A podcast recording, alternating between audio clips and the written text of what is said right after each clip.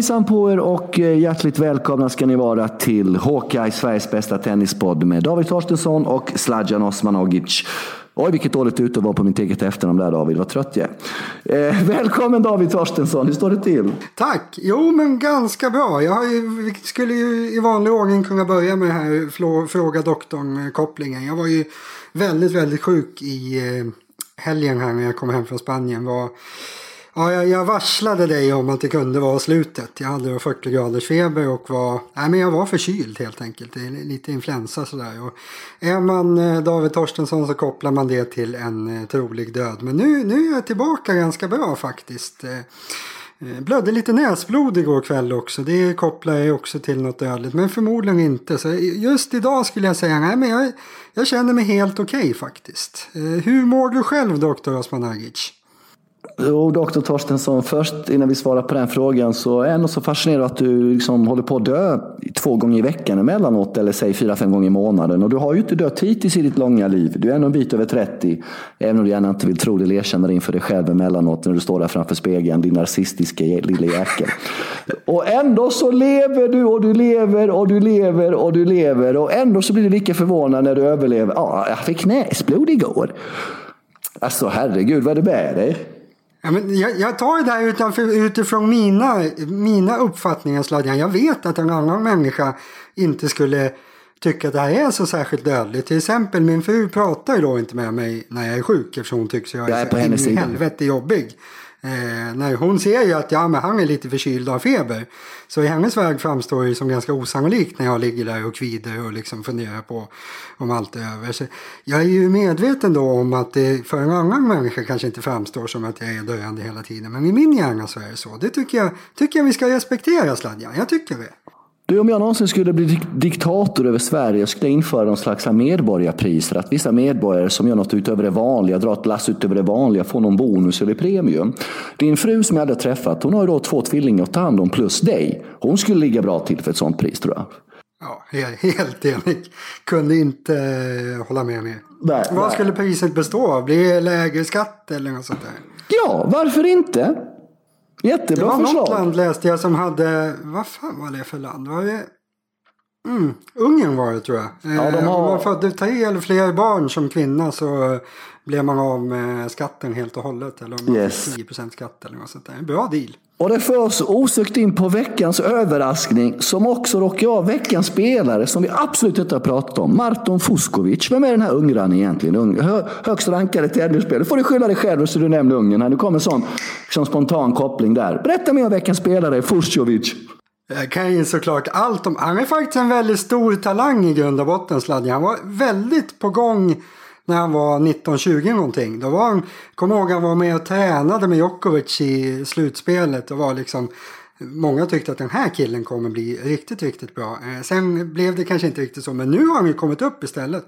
Bra spelare, saknar kanske de där riktiga vapnen skulle jag säga, men eh, stadig och stabil. Ska du kanske svara på hur du mår istället Sladjan? Du är väldigt, väldigt trött. Ja! Få inte folk att tro att du sitter där och är stark och pigg efter din Los Angeles rockstjärneresa. Du är trött, Ja, erkänn. jag är så trött David att jag knappt kan stå upp och ögonen är sådär du vet. Uh, ja, det är tufft. Det är tufft. Det smält på ordentligt. Jag brukar inte göra det men uh, ja.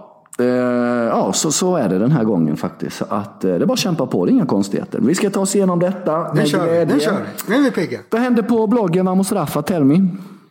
Eh, franska öppna. Nu kommer det inte skrivas ett enda ord om någonting annat än Franska öppna på två och en halv vecka skulle jag säga. Jag har skrivit mycket om kvalet, eh, Ymrarna. Eh, tre, fyra, fem inlägg. Tydligen så vill folk läsa om det där. Jag drog en liten utläggning igår om det jag funderar. Jag, jag vill ju tro att folk kanske inte är så intresserade men det är i alla fall många som är det. Så då har jag hängt i här. Han gjorde en helt sinnessjuk vändning igår i andra kvalomgången Mikael Ymer. Så det finns fortfarande chansen om en svensk i huvudturneringen. Just det, just det. Vad är känslan själv? Vad känner du inför den? Kan han ta kvalfinalen där eller vad? Ja, jag tycker att han, jag kollade precis oddsen, oddsen helt jämna. Jag hade nog satt honom som lite favorit faktiskt. Han möter Laxonen eh, från Schweiz, inte från Finland som man skulle kunna tro. Eh, stadig spelare liksom Laxonen samlar en jäkla massa poäng och är på gränsen till topp 100. Men han är aldrig så bra egentligen spelstyrkemässigt. Han hittar mycket svaga startfält och sticker fram nosen då så han blir överrankade. Jag tror att Ymer är lite, lite bättre. Sen vidöppen match. Ymer var inte så superbra igår. Eh, kanske kommer krampa lite nu när han har chansen att kvala in för första gången. Ja, jag hade satt honom som 52-48 favorit kanske. Mer än så är det inte. Men ja, favorit i alla fall. Du, lite nyheter från tv-världen hemma i Sverige och dess tennisbevakning. Eurosport Discovery, eller Discovery som min pappa säger. Ta över hela touren. Det tyckte du var jättekul. Eh, Vilken hjälte. Det tyckte du inte var, du tyckt var roligt när du låg där i feberfrost och höll på att dö här om i lördags. Men eh, eh, samtliga Grand Slams, det har de sen tidigare. De hade ju tre, fyra innan, men sen har de Wimbledon sen ett tag då. De har de nio Masters-turneringar, nyhet och samtliga ATP 500 och 250. Så all tennis, hela ATP-touren plus Grand Slams i ett och samma kanalhus. Hur ser vi på det, Dr. Torstensson? Ja, det är väl jättebra. Jag har ett lite komplicerat eh, förhållande här till Discovery. Discovery, vad Discovery? Eh, ah, det finns ju någon människa där som jag inte riktigt tycker om eh, som jobbar där och det finns flera stycken som jag faktiskt känner lite grann och gillar. Så jag är lite så här kluven. Jag Men om du, gott, om du lämnar din personliga... Gott öga och dåligt öga. Om du, det är ju så när man har näthatat halva sitt liv, att man skaffar, skaffar sig ovänner. Men om du bortser från det då liksom och ser samlat i ett och samma mediehus. Jag menar Eurosport har ändå varit, tycker jag då, av tydliga skäl då med de här tre Grand Slamsen som grund länge. Tenniskanalen, tennismediehuset i Sverige liksom. Och nu tar man liksom full kontroll på det hela och eh, naturligtvis så antar jag och tror att de kommer satsa väldigt mycket på detta. Eh, eftersom ja, det väl kostar pengar att köpa in det också. Så att det kan bli bra. Det som är lite tråkigt för mig som bor i, Serbien då, då. Det är ju då att det är så förbaskat dåliga kommentatorer på Eurosport. På, på Sportklubbkanalen som man kan jämföra med kanske Sveriges Viasat som har eh, Wimbledon och alla ATP, 1000 Masters eh, och 500 och 250 också. Är de inte sämre. Alla har väldigt bra tenniskommentatorer. Till skillnad från serbiska Eurosport. Eh, där tror jag jag skulle göra ett bättre jobb. Med, alltså på serbiska med lättnad faktiskt. Du skulle ju vara en jättebra kommentator Zlatan, det vet vi ju båda. Ja, jag vet inte på serbiska kanske, men eh, det skulle vara kul att testa. Men nog om detta. Eh... Ja, nej, men jag vill säga, jag tycker att det är bra. Jag tror att det kommer bli jättebra. De brukar sköta sig bra, eh, Eurosport. Och det är väl det mediahuset som verkligen är på uppgång i Sverige. De ska ha allsvenskan från nästa säsong och har OS och massor av grejer. Så det är väl bra att tennisen hamnar hos de som har pengar just nu. Jag tror det kommer bli skitbra faktiskt. Ja, det tror jag också. Och bra att det samlas och bra att de satsar på tennis tycker jag är sketa kul för att prata småländska helt enkelt. Du, Torstensson, är det inte fantastiskt att undrens tid är inte förbi? Det är lätt att tro det ibland i denna värld som den ser ut. Men undrens tid är inte förbi. Ett under hände i söndags. Du fick in en turneringssegrare här i Hawkeye, Sveriges bästa tennispodd, efter 21 avsnitt. Ja, vad ska jag säga om det? Det är självklart. Vad fan? Vadå självklart? Det tog 21 veckor. att jag får in turneringsseger. Vad tror du Sladjan? Jag, jag kan ju det här. Vad är problemet? 21 veckor heter problemet då, om det finns äh. något. Nej, det, det kan vara så att jag har prickat in dem förut. Det där, den där statistiken, nej det där har jag inte sett på pappret. Jag skulle nog säga att jag har nog sett en 3-4. Nej, det får du återkomma till. Det, det får någon komma fram med bevis. Du fick in att Rafa skulle vinna i Rom. Eh, vill du passa på att skryta här, odds 2,35. Inte som team, 6 gånger pengarna i Barcelona och Djokovic i Madrid 3,40 som eh, en annan fick in som du gör podden med här då. Men, eh, Ja, ska du skryta lite nu eller går vi vidare i programmet? Nej, jag är väl ingen, om man ska vara sådär snustorr och ärlig så hade jag väl kanske tagit Djokovic den här gången. Du tog honom först. Mm. Så det fick bli Nadal istället. Så Nadal var väl egentligen till det oddset jag tog honom var han väl inget superspel. Men när det visade sig att han var bra så då var det ju plötsligt ett eh, jättebra spel. Han Inga konstigheter. körde överallt. Ja, grattis David. Och det roliga är att hade du fått välja Tack, först hade du tack. valt Novak så hade jag ju valt Rafa. Det är ungefär så det funkar. Eftersom du vann senaste, fick in senaste turneringssegern så är det du som väljer först när det handlar om Roland Garros.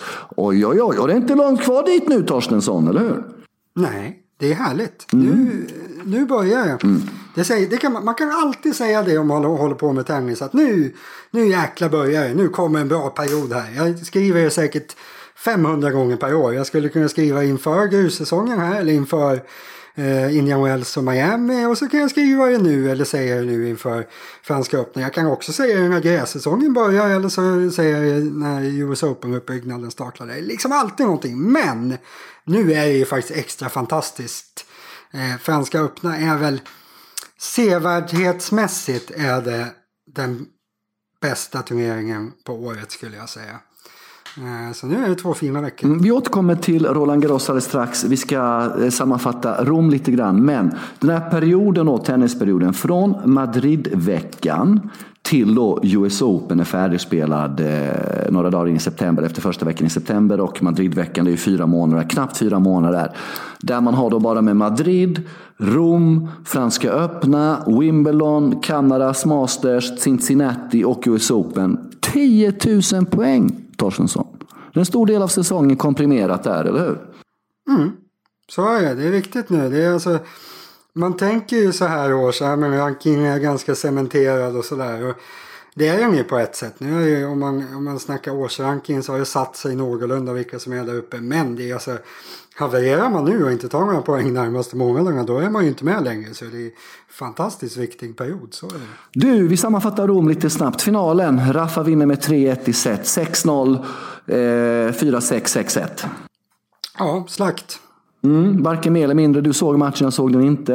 Eh, det var slakt alltså. Ja, eh, ja, det var. Alltså, det var, att Djokovic fick med sig ett set där var ju helt... Alltså det, ja, det säger en del om honom som spelare och idrottsman. Liksom, hur mycket han litar på sig själv. För han var, han var utspelad. Alltså, det var, Nadal borde ha avgjort det där hur tidigt som helst. Det var, han var inte ens i närheten Djokovic. Vilka växlar drar vi av detta då för, Raff, för Raffas del? Ja, men att han, att han kan hålla en hög nivå igen. Sen hur hög nivån var, eh, det ska vi väl egentligen fundera lite på fortfarande. Jag skrev om det här på bloggen i veckan. Jag gjorde en jämförelse eh, hur det såg ut när han rör sig bara nu mot förra året. Alltså, det, det går lite trögt. Eh, Men, men alltså när han, när han spelar så bra som han gjorde i den här finalen, alltså slagen satt, han kunde driva på hur mycket som helst utan att missa egentligen. Eh, då är han ju fruktansvärt bra fortfarande för hans spel det är ju bra nu. Nu har han hittat det igen och så vidare. Det var inte så bra eh, senaste månaden i övrigt. Eh, men Djokovic var dålig i den här matchen. Han fick inte alls till det. Eh, och där ska man väl säga det här. Djokovic brukar alltid spela sin absolut bästa tennis när han möter just Nadal. Det är som att han automatiskt genom åren har blivit 50% bättre när han har mött Nadal. Han har haft en nivå mot alla andra och så har han haft en nivå mot Nadal. Nu var det kanske den här mot alla andra nivån han höll istället. Och då är det nog faktiskt så jäkligt för honom att då räcker han inte till mot Nadal på grus. Eh, så ska han slå honom i Franska öppna då vill det till att han plockar fram den här ytterligare 50 procenten i, i spelstyrka. Och då tror jag mycket väl han kan vinna där. Så vi, växlarna tycker jag vi tar det lugnt på. Förutom att vi ska säga att Nadal kan spela bra. Det har han ju inte gjort hittills på grus. Apropå ta det lugnt med växlar, Djokovic fysik här då. Tre timmar lite drygt mot El Potro på fredagen. Två och en halv timme lite drygt mot Schwarzman på lördagen. Eh, och eh, ja, är han fullt fit fysiskt? Ja men det tror jag. Det var alltså, du såg inte den här matchen men det var, det, var, det var ingen fysisk match om man ser till hur det brukar vara mellan de här två. Det var inte det här fantastiska spelet och de här enormt urkramande duellerna. Djokovic såg egentligen jag såg ingenting av att han var sliten. Han stod inte och djupandades som man kan göra ibland. Han hängde aldrig på knäna. Liksom. Det, var, det var ingen jobbig match på det sättet för honom. Ehm, så det var absolut inte där det sprack. Sen, däremot så skulle jag väl kunna tänka mig att det som jag tror oftast är problemet när det gäller sånt här, det är väl snarare det mentala. Att han, han blev så pass pressad av Del Potro och sen en halvpress mot Schwarzman igen. Och då kanske han inte var helt fräsch i skallen när han väl skulle möta Nadal. Så kan man tänka. Men jag är faktiskt inte oroad alls för orken på Djokovic inför franska. Känns lugnt. Yes sir. Vi går in på då, eh, vi ska prata lite om de här åtta då, då som är toppsidade i, eh, på Roland Garros och Franska öppna. Och eh, vi går igenom då, vi börjar med platsen, eh, ja, Del Potro som är sidad åtta. 67 gånger pengarna får man hos honom som slutsegrare just idag hos Betthard. Han eh, lämnade verkligen styrkebesked under Romveckan. Till skillnad från Nikyrius kanske. Ja, jag missade ju den matchen, Djokovic Del Potro. Alla skrek så fort jag öppnade telefonen Ja, det var inte morgonen efter, det var mitt i natten. Jag gick upp klockan tre och skulle flyga hem från Spanien. Så jag var tvungen att få de här skönhetssömnstimmarna där innan flygresan. Så jag missade ju årets först, bästa match där. Jag ser 99 procent av alla sådana där matcher. Men ja, det var tydligen den som var bäst när jag inte tittade. Eh, men han, eh, det, det var ju väldigt bra gjort. Och som jag har fått det berättat för mig så var han nästan bättre än Djokovic. Och det är ett ganska, eh, ganska stort eh, styrkebesked. Det jag har sett av highlights det är att han, han höll emot med sin backhand mycket mer än vad jag trodde han skulle kunna göra mot Djokovic på grus. Han har en ganska vek backhand nu för tiden, Del Potro, med tanke på alla, alla skador i vänsterarmen där. Det var svårt att hålla emot, men nu funkade det ganska bra. Alltså, kan, man, kan man stå emot Djokovic på det där sättet då, eh, då är man en utmanare. Jag tycker faktiskt 67 gånger pengarna på Del Potro är rätt högt om man jämför med många andra. Med en bra lottning så varför inte? Är det inte så att Del Potro håller en lite högre nivå än normalt när han kommer tillbaka från skadeuppehåll? Eller är det bara något jag fått för mig här? Han är nog ändå kvart ja, mot Rom. Skulle jag nog säga. Ja. ja, jag skulle nog egentligen säga. Jag tycker egentligen tvärtom. Jag tycker det brukar ta det brukar ta några veckor för honom att komma igång. Han brukar ha en eller två turneringar där han är ganska knackig och sen är han igång. Lite så var det ju nu också. Han torskade mot Lajovic var i Rumba. Och sen igång ganska bra i andra turneringar. Jag skulle, trodde kanske det skulle ta en turnering till. Eh, men ja, det kanske var det du menade. Jag lyssnade inte på det. Nej, men jag menar ofta när han kommer tillbaka som skada. Så, nu var han ju tillbaka i skada och sen tog han ett litet kortare uppehåll och kom tillbaka igen. Att han håller en lite högre nivå normalt tycker jag. När han kommer tillbaka som skada. Men är det på att definiera skadeuppehållet och så vidare. Nishikori, sjunde sidad, 51 gånger pengarna. Vad kan han hitta på?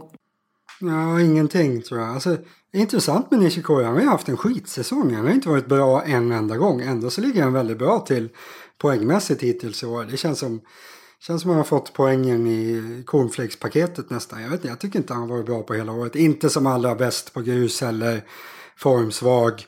Känns inte som en spelare som slår typ två av de tre bästa vägarna i de sista matcherna där. Så där kan man dra den här jämförelsen. Del Potro 67 gånger, Nishikori 51 gånger. Spelar man Nishikori där då, då kan man nog eh, lägga pengarna på något annat. Ett annat intressant spel, en mycket, mycket intressant spelare. Eh, Sida sjätte, men då fjärdehandsfavorit efter Djokovic, Team och Nadal om vi ser till oddsen före Federer.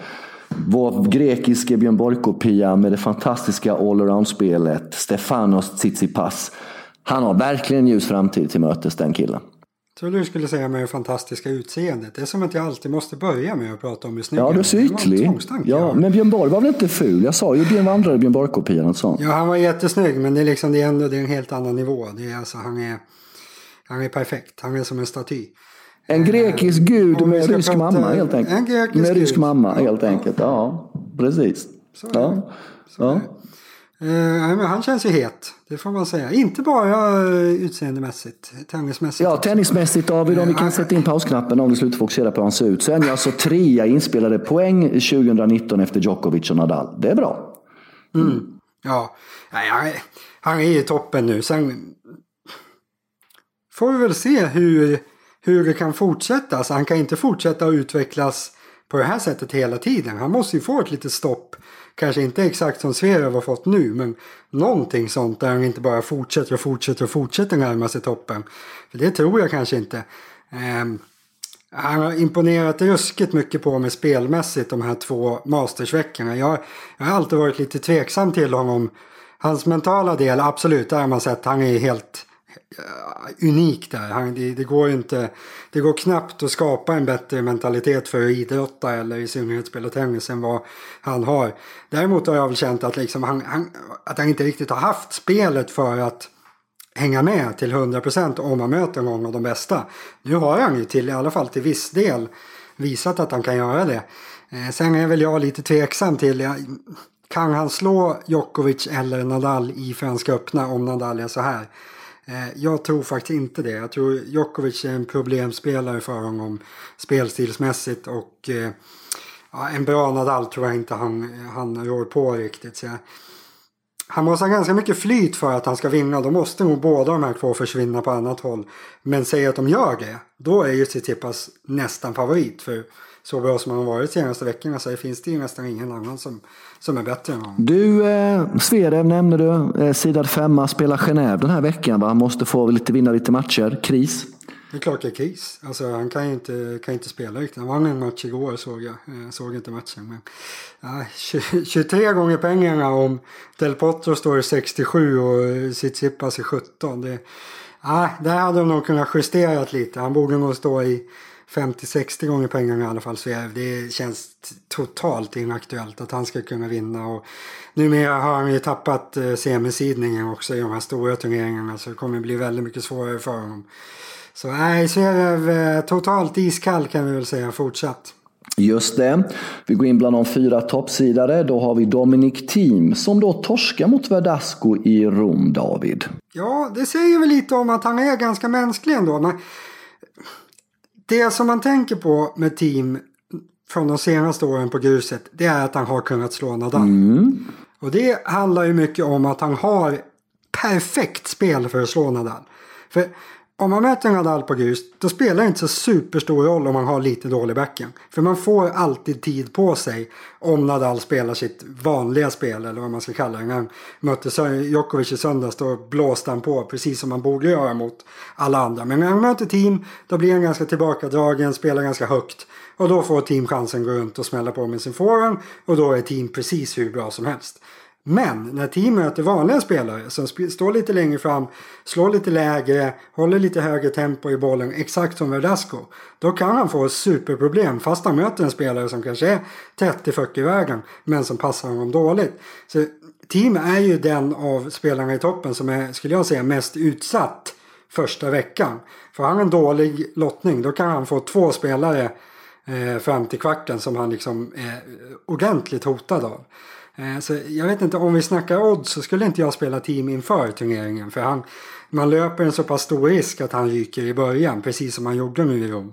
Eh, så jag skulle nog vänta, man kommer få typ samma odds sen på slutet om alla de bra är kvar. Så team sex gånger pengarna inför turneringen, eh, nej.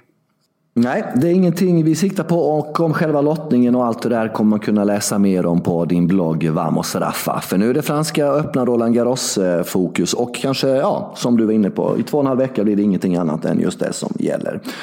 Federer, tredje sidad, femtehandsfavorit enligt oddsen, 19 gånger pengarna. Lämnar återbud mot Stefanos i Rom till kvartsfinalen, men har sett bra ut, verkligen bra ut i både Rom och Madrid.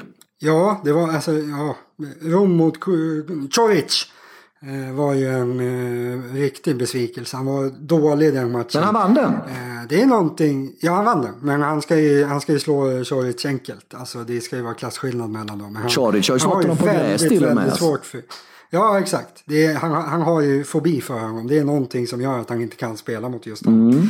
Eh, så man ska väl vara lite försiktig med växlarna där. Samtidigt som det såg inte lika bra ut totalt sett i Rom som det gjorde i Madrid. Sen, ja, han spelade ju inte så mycket i Rom. Han spelade två matcher på torsdagen där. Och, eh, ja, det, det, blev inte så mycket spelande helt enkelt. Men ja, det, det kommer bli svårare för Federer nu när det är vanligt grus. När han inte kan spela exakt som han gjorde i Madrid när han får lite hjälp av hur bollen flyger snabbt och så vidare. Sen, eh, franska öppna är snabbare än vad jag är i Rom, så han, det är lite mittemellan så han kan nog få på något hyfsat där. Eh, jag, jag skulle fortfarande säga att jag tror att Federer kan vinna. Men alltså, det måste ju, han måste ju ha tur. Eh, jag tror inte att han kommer slå både Djokovic och Nadal. Så han, någon av dem måste torska på vägen. Eh, Nadal måste nog överhuvudtaget torska mot någon annan. Jag tror inte att Federer slår honom på grus nu för tiden. Eh, Djokovic eh, skulle han kanske kunna slå men då, Nadal måste åka ut mot någon för att Federer ska vinna skulle jag säga. Andrahandsfavorit då, nej förlåt, vi tar Nadal då som är sida tvåa med en förstahandsfavorit. 2,10 är eh, lägsta oddset får man för Nadal. Hur ser vi på det då? Det, för en och två veckor sedan hade vi inte varit lika säkra, men nu är det lite annat ljud i skällan va? Ja, det får man säga. Nu är han ju där igen att, han, att folk tycker att han är oslagbar. Han slaktade alla i inklusive Djokovic. Då, alltså, då är det ju plötsligt då kommer man till det här. Han har vunnit 11 gånger och torskat två gånger bara i Franska öppna. Så alltså, jag skulle säga så här, det går inte att sätta ett lägre odds på Nadal. För räknar man på vilka spelare han kommer möta. längre fram. Så om man får möta Djokovic då kommer det vara 1,40. Får han möta team då är det 1,30. Får han möta Federer då är det knappare 1,20. Två av de där kommer han förmodligen få möta. Då är man uppe i 1,80 och så ska de andra matcherna vinnas också. Så det där oddset är väl så lågt som det kan vara ungefär. Eh, kan man spela det? Ah, jag skulle nog låta det vara. Han är stor favorit nu men Ja, nej, nej jag, skulle, jag skulle stå över i oddset också. Djokovic, eh, sida detta, ranka detta. 3,40 andrahandsfavorit. Ja, det är väl där jag skulle... Den och Del Potro skulle jag kunna tänka mig att spela. Alltså, jag tror ju att Djokovic kommer ha en lite bättre chans mot Nadal i en eventuell final än vad folk tror efter matchen i Rom. För Djokovic var inte bra där. Djokovic kan i teorin vara mycket bättre. Och när Djokovic har varit som bäst då har han nästan alltid slagit Nadal oavsett underlag på senare år. Eh, så jag tror kanske att man... oddsen hoppade till lite för mycket tror jag på Romfinalen. Så skulle jag spela någon av Djokovic och Nadal nu så blir det Djokovic. Eh, och av de andra, 67 gånger pengarna på Del Potro är för högt. Felix Auger Aliasim, tronföljaren, arvingen, eh, kronprinsen. Är det här Grand Slammen han kommer breaka i och bli ett namn för den större massan? Han är ändå sidad. Nej. Nej. Ja, nej. det kommer han inte göra. Nej. Nej. Eh, Eh, du pratar ju ofta om att du har ett dåligt minne. Det är nästan som att du är stolt över att du har dåligt minne. Och då fick vi gå igenom en riktigt härlig utmaning när vi hade lite Messenger-call igår, du och jag David. Eh, där vi skulle då liksom ta fram varsitt favoritminne från Roland Garros genom historien. Eh, så länge vi har varit med. Det har varit en jävla utmaning för dig det där. Jag kände så att jag, fick, att jag kom till viss hjälp där då. Det kändes, kände att jag bidrog. Alltså jag, jag, kom, jag kom fram till det ganska snabbt. Eller var det du som sa åt ja, ja, Nej, nej, nej. Jag fick liksom eh, hjälpa dig med detaljerna lite mer och sådär. Vad valde ja, du till slut? Berätta då för oss. Nej men jag, alltså mitt minne, jag, jag minns ju saker i bilder kan man säga. Jag minns ju inte vad som hände riktigt. Jag, jag har liksom, det är något fragment som är kvar typ. Eh, det är jag jävligt ostolt över skulle jag säga. Men det, om man är öppen med det då accepterar folk det på ett annat sätt tror jag. Alltså, eh, folk tror ju att jag ska vara en kalenderbitare när det gäller tennis som du är. Du, kan ju, du minns ju hur mycket som helst. Jag minns ju inte sånt. Men mitt, mitt bästa, eller bäst, största fetaste Roland Garros-minne det är ju den här bilden när Federer går och eh, pekar med pekfingret där mot eh, läktaren efter att ha slagit den. Men är det mot? Ja, ja, ja. Kör på, kör på. Han var oövervinnlig då. Det, det var något superrekord. Antal matcher på raken i början av året. Och man, han var, då var han så, ansågs han så oslagbar Djokovic att det liksom det var inte aktuellt att slå honom riktigt. Så han, han slog otroligt mycket i underläge Federer. det, var liksom, det var kul att se hur fantastiskt skönt han tyckte att det var. Jag gillar ju sånt där när idrottsmän liksom visar lite extra att ah, men det här var ganska bra ändå. Så nej, det där var en, det, det, är en, det är ett coolt minne. Det finns lite coola bilder på Federer när han har vunnit den där matchen också. Mm, den här bilden hemsöker mig emellanåt. det, är inte, det är inte sånt här minne som du tar fram när du har lite jobbigt och tänker att nej men nu vill jag må lite bättre. Då tänker du på Federer när han pekar finger där och, nej inte pekar finger, han, han kör sitt pekfinger och skriker lite. Det, det är inte Ja det råder lite delade meningar. Jag menar på att han pekar liksom eh, mot Djokovic där eh, jävligt kaxigt. Fast det gör han Ja men hur vet, har du frågat han. Roger om det eller? Vi vet ju inte tills vidare. Ja. Eh, det var så semifinalen Roland Garros 2011. Djokovic hade vunnit de 41 första matcherna på säsongen.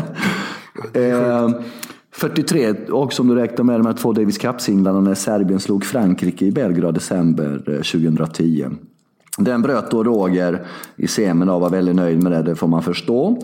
Torska mot Rafa sen. Den bilden samt då när Edberg torskar mot Chang, är 89 i finalen. Changs underarmsservar.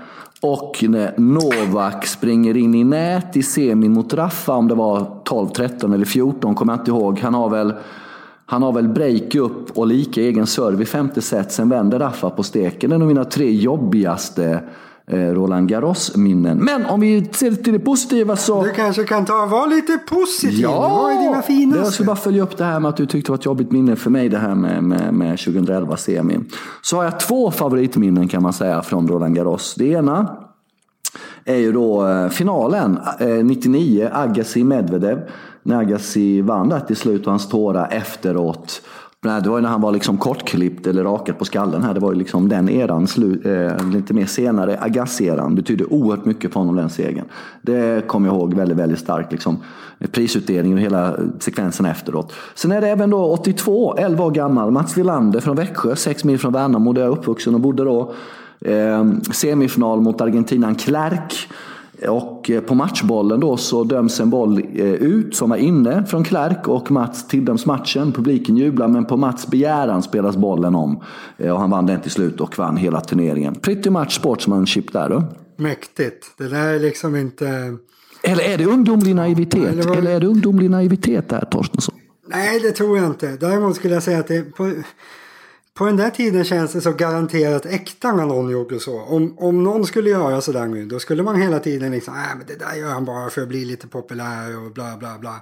Där känns det som liksom han, han, han var väl uppväxt på ett sätt som man, man vinner inte om det inte är ärlig vinst typ. Han, det spelar ingen roll att det var Franska öppna semifinal eller var det final? Eller var, jag var ju inte född här än så jag är helt diskvalificerad. Men ja, otroligt mäktigt. Han höll väl i det där under hela karriären. Det var, var väl inte så många som anklagade Wilander för att vara osportslig direkt. Det kan vi väl vara rätt eniga om. Tror mig har att göra med att han är från Småland och inget annat. Då har man rätt värderingar och man kan skilja på rätt och fel. Dock inte alla och från Småland. Snål. Nej, det är en sån jäkla myt där så jag blir helt vansinnig. Eh, ja, det var det angående tennisen den här veckan. Eh, har du något mer på ditt hjärta, något du undrar? Ja, det, det, folk vill ju veta.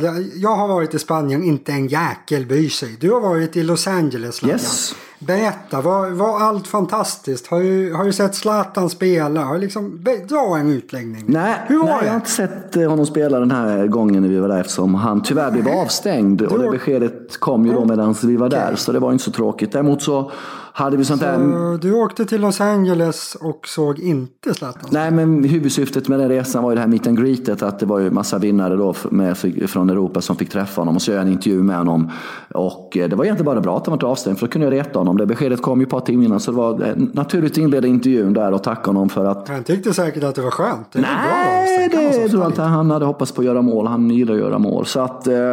Eh, vi såg honom inte spela, vi var på matchen då. Det kan ha varit den värsta fotbollsmatch jag upplevt någonsin. Jag vet fan om det ens är superettan-nivå. Alltså. Det är helt otroligt vilken låg nivå det är. Det är som att det är på låtsas. Annars så regnar det väl fyra, fem dagar. Liksom. Det var ju väldigt regnigt när jag var där i februari. De säger det, jänkarna eller LA-bommer, att det typ regnat sedan dess. Ja, i tre månader. Så att de äh, längtade efter sommaren sa de ganska mycket. Så du var, du var på en museirunda istället? Ja, vad häftigt det var. Alltså det här Getty-museet, alltså arkitekturen, huset, alltså byggnaden i sig, hur man tog sig upp, jättehäftigt.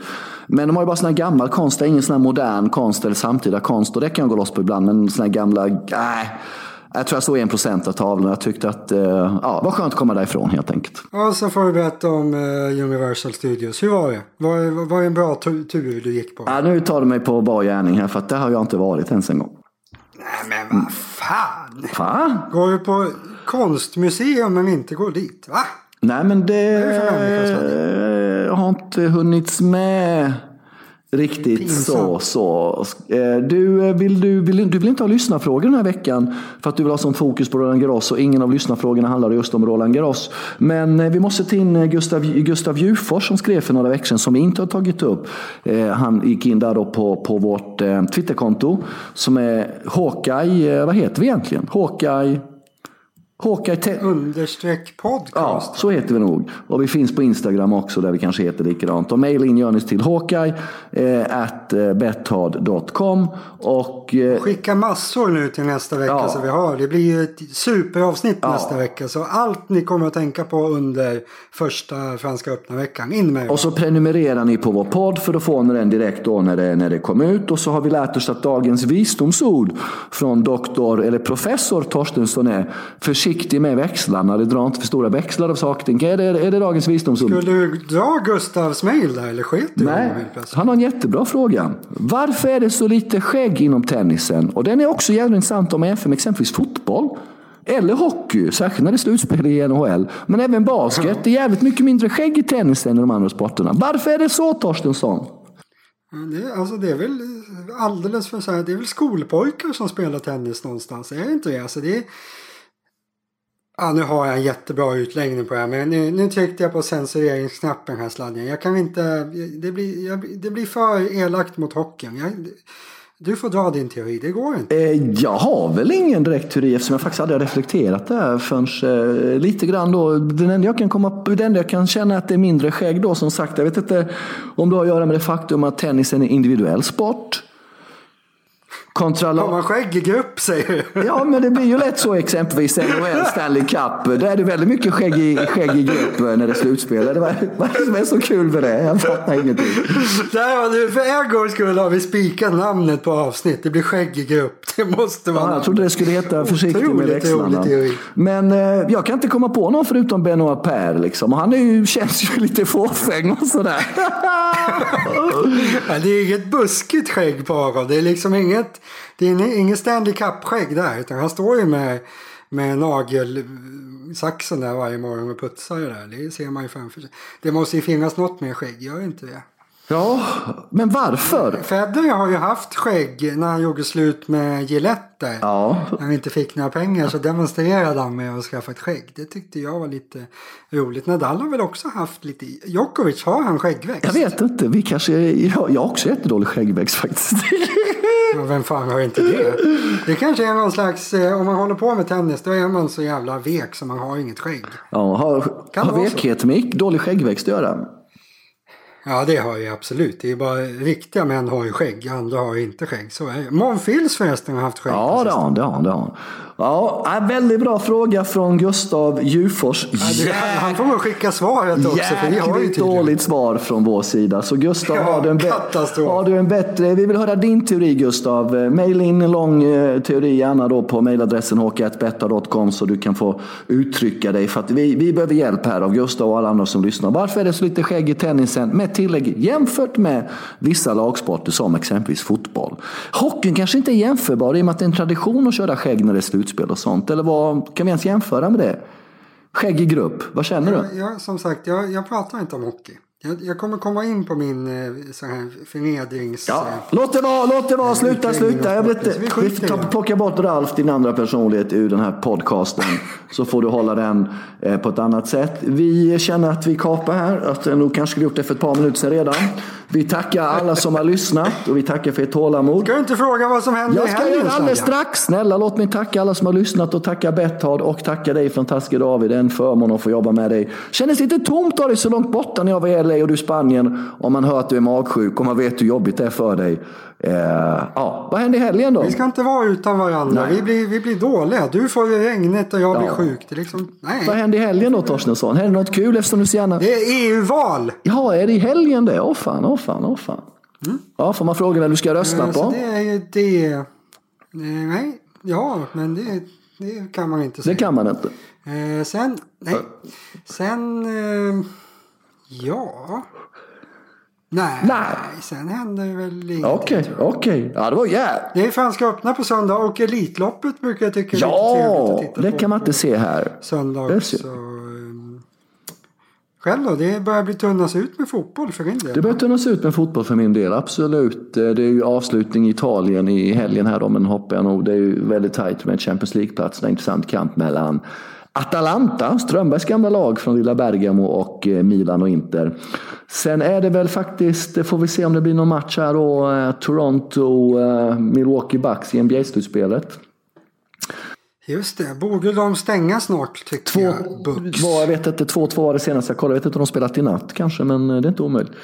Eh, sen så är det inte så mycket som händer egentligen. Det är ganska lugnt. Eh, sova, vila lite. Så måste vi det för väder här i schizofrena Beograd. Det är ju tre väderlekar på en dag emellanåt. Va? Så att eh, det är nog ganska lugnt. Funderar på att ta två lediga... Vi får sitta och skicka meddelanden till varandra ja, istället. Så vi kommer i fas ja, med vårt umgänge. Ja, funderar på att ta ledigt måndag, tisdag från jobbet också. Då måste, jag måste ut semesterdagar tydligen. Så jag får hem och ta igen mig. Det är väl planen det är ungefär då Torstensson. Det blir väldigt, väldigt lugnt kan man säga. Som vanligt. Det blir Inga konstigheter. Man är ändå närmare 50 än 45. Det är det som är det jobbiga. Så att eh, du fattar själv hur illa det är. Alltså. Du är ung, pigg och rask ja. Det finns ingenting att oroa sig över. Vi, vi hänger i ett På dagtid mellan 9 och 4, absolut. Då är jag pigg. Du, ha det gött. Tack alla som har lyssnat. Vi döper det här avsnittet till Skägggrupp. Dra inte för stora växlar av det uppenbara. Som Torstensson säger så hörs vi nästa vecka. Hej hej! Hej!